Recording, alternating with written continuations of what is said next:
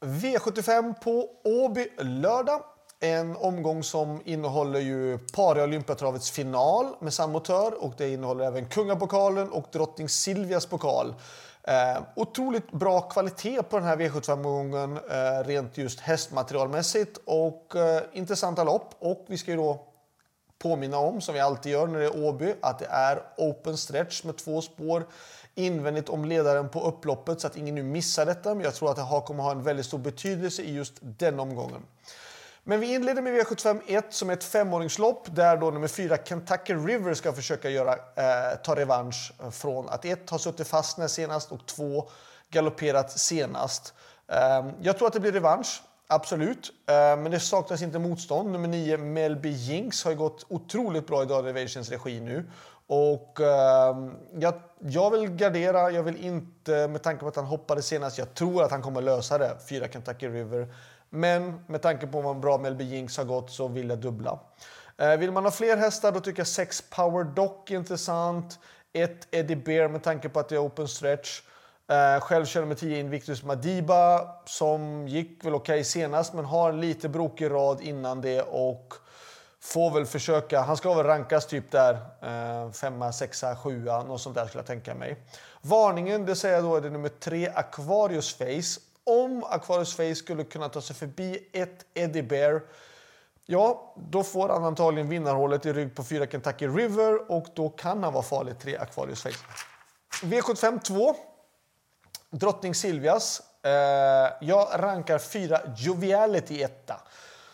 På förhand så ser det här loppet ut att stå mellan då Joviality nummer fyra och nummer ett Riverdale eh, Z, säger jag istället. Eh, men fyra Joviality har ju varit ute och mött tuffa hästar. Hon har varit ute och mött de allra bästa. Hon har gått flera hit. Hon är otroligt härdad och hon är van att få två speeder i loppen också framför allt. Ett Riverdal Z.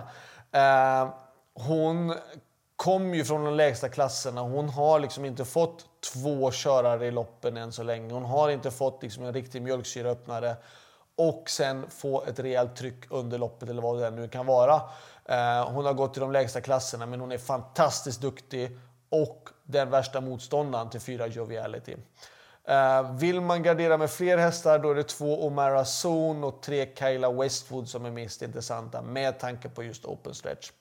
Själv så kör nummer 9 Jiggy som jag bedömer som varningen i loppet. Om jag skulle kunna haka på 1 uh, uh, och 2 och liksom kunna behålla vinnarhålet alternativt tredje par invändigt så om det nu blir rätt tempo så skulle hon kanske kunna vara en outsider i alla fall. V75 3 Uh, har jag två stycken hästar med från stallet och det är nummer ett Hyannis Port som är lite osäker. och Jag var inte riktigt nöjd med att han fick just spår 1 men klarar han det så kan han plocka en bra peng därifrån, det tror jag. 10 Peter Pan däremot har gått jättebra, är en fin häst och han ska tävla barfota runt om.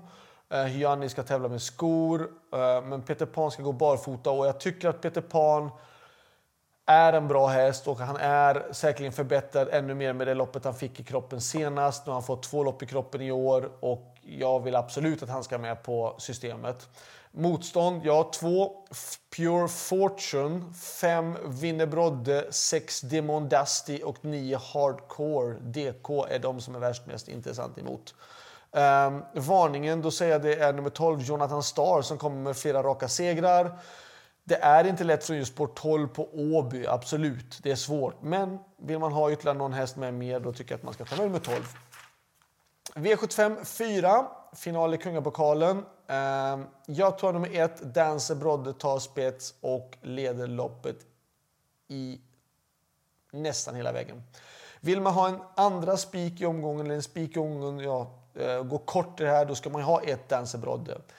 Men det kan bli en rejäl körning i det här loppet också. Eh, jag tror att två following kommer försöka få ner i vinnarhålet, det är vad jag tror.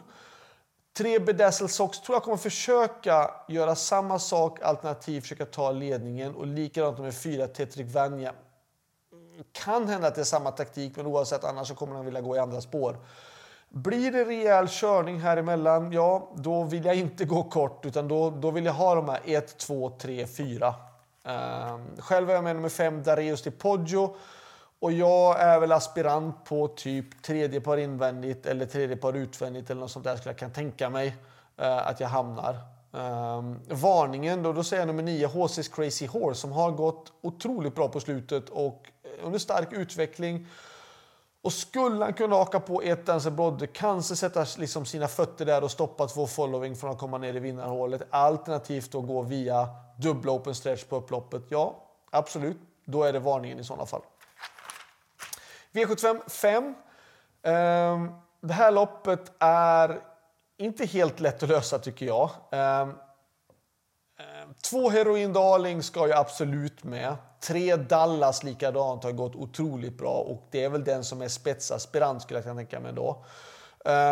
Fem Indigo som jag kör har också gått jättebra men har ju vunnit nästan ja, alla segrar just från ledningen och det är väl risk att jag inte tar mig förbi tre Dallas. Skulle jag göra det, ja då är jag absolut aktuell för att kunna vinna. Eh, sju Laredo Boko tycker jag ska med också så att 2, 3, 5 och 7 i avdelning 5. Varningen, ja, idiotdraget, lyxstrecket. 4 Draupner säger jag då. Hästen gick otroligt bra när senast då mot Jovaraj. Um, ehm, senast vart det galopp från ett tråkigt utgångsläge. Den här gången då har den perfekt utgångsläge tycker jag. Skulle det klaffa med positionerna så den där hästen verkar ha farten nog för att kunna utmana ändå. Så att 4 Draupner är lyxstrecket. V75 6. Två Eros Sola körde jag för eh, två starter sedan. Trava inte alls, banan var otroligt hård, passade inte alls, men den var otroligt tapper. Sist så kom den inte in i loppet alls. Den här gången har den ett väldigt intressant startspår. Sen att det är 1600 meter. Den har ju ändå gått bra på 1600 meter.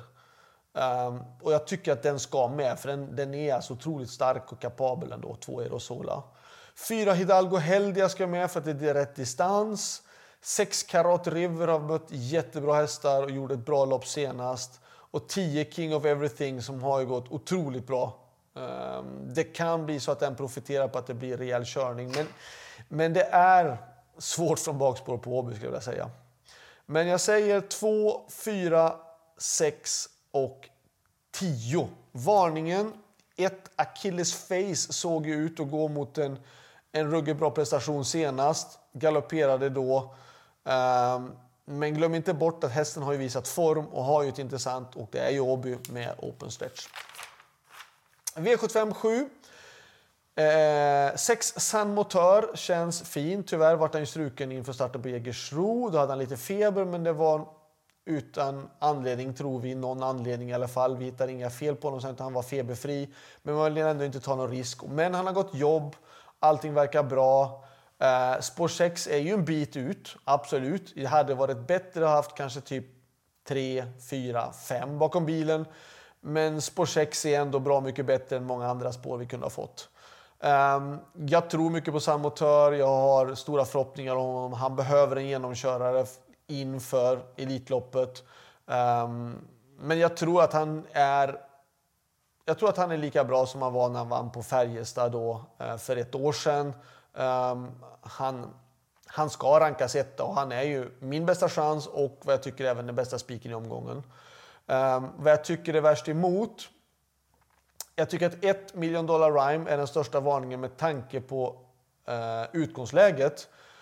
Men det är klart att 3 Mr Hercules är väl den som jag kanske ser värst emot rent hästmässigt. Um, så sett. Um, två Chapuis är absolut intressant med utgångsläget. Fyra Cicero TG på väg upp. Um, och sen då ska vi inte kanske glömma bort då nummer 9, Jimmy Ferro, Jimmy Ferro BR som gjorde ett bra lopp i Egersund, men profi, eller på Färjestad, men profiterade ju ändå eh, lite grann på att det var rejäl körning där framme, ska jag säga ändå. Eh, men jag tror mycket på Salmotör och absolut, jag har han som spik. Så det var allt. Lycka till så hörs vi vidare.